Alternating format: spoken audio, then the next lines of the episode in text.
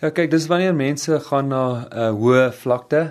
Gewoonlik sê ons dat 2000 meter regtig hoë vlakte. So daar is mense wat by 1700 begin en dit werk ook en veral in plekke soos Johannesburg en en Pretoria is dit nog steeds actually hoë vlakte, maar um, as jy met 'n fisioloog praat en hulle praat van hoë vlakte en en ons praat van professionele atlete wat opgaan, praat ons van 2000 meter.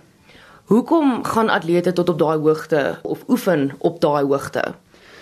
Die rede is as ons langer afstande doen, so dit werk ook net vir die lang afstande. So as as jy agter 'n roei middelafstande, lang afstande, dis dis eintlik waar dit werk. En en die rede hoekom dit werk is dat as ons daarbo is, is daar minder suurstof daar. So dan maak uh, die lyf meer rooi bloedselle en dit bedoel dat daar in die bloed kan ons 'n groot kapasiteit vir suurstof hê. En dis regtig waarvoor ons soek. Want as ons meer suurstof na die spiere kant toe trek dan kan ons meer energie maak sonder om anaerobies te gaan. Om dit vat langer om om anaerobies te gaan. En dis die rede net daar sodat ons meer suurstof kan gebruik dan is ons meer efficient. Um, en jy kan langer vir harder uh, deelneem in kompetisie Jy sê dis nou net vir mense wat langafstande en middelafstande doen.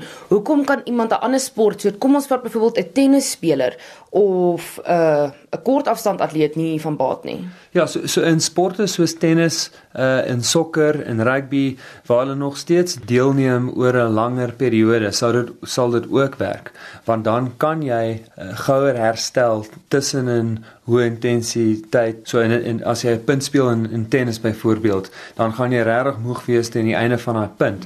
Maar as jy baie hoog rooi bloedselle het en baie suurstof het, dan gaan jy gouer herstel voor jy die volgende punt doen. Maar vir sportsoorte soos 'n 100 meter en 'n en 'n 200 meter, 400 meter byvoorbeeld dan is is daai sport heeltemal anaerobies. So ons gebruik amper niks suurstof om haar energie te maak nie. So vir daai rede help dit nie om om by ehm um, hoë vlakte te oefen nie, maar in daai sportsoorte omdat die lug dunner is, is dit eintlik beter om te kompeteer in in daai omstandighede. So as jy 'n sprinter is, hardloop jy vinniger op altitude as wat jy op seevlak hardloop.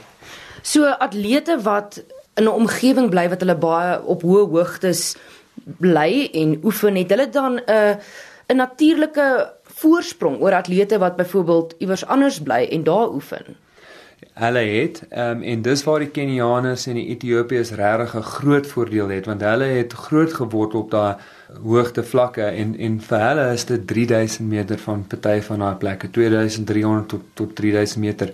En is nie net dat hulle daar groot geword nie hulle is deel van um, generasies wat daar groot geword het. So hulle het um, in 'n mate they've gone through evolution waar hulle eintlik al reeds lywe het wat beter is vir daai lang afstande en en daai so dinge.